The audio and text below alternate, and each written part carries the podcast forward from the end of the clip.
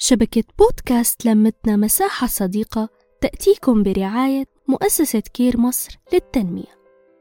يسعد أوقاتكم مستمعينا مستمعين بودكاست لمتنا. معكم أنا ريم من بودكاست نسيج الحكايات. لأسباب ما أحيانا منلاقي شخص الظروف حكمته أو واجه صعوبة بالأشخاص اللي اختارهم أصدقاء لإله يوما ما.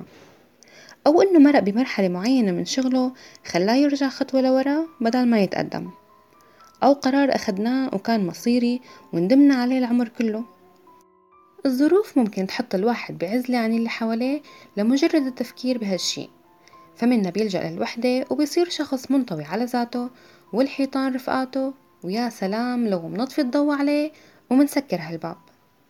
والبعض بيلجأ لتأنيب الذات عالطالعة والنازلة وبيلوم حاله عالشي اللي وصله لهون والبعض الكآبة بتصير رفيقته أو كل حدا بيشوفه بيحس قديش متأثر بالشي اللي وصله وبتبين عليه علامات الفشل أو خلينا نقول الأسى. والبعض بيلجأ للأكل أو البكي كوسيلة يفرغ فيها شوية طاقة عنده.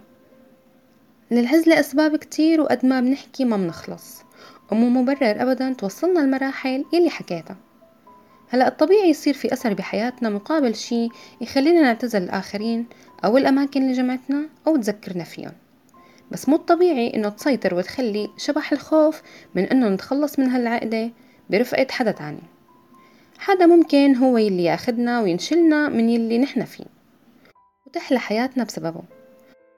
وبعد الدرس اللي مرق معنا أكيد حيكون لنا نظرة باختيار اللي حوالينا أو شغلات كنا من البديهي إنه نحكيها لأي حدا بنشوفه يكون صار بقلبنا زاوية نحط فيها مخصصات ما حدا يعرفها غيرنا.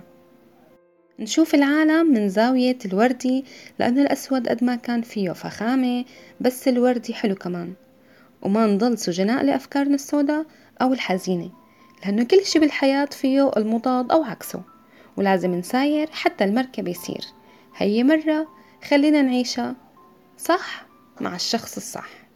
ضلوا بخير. نحكي نتشارك نتواصل.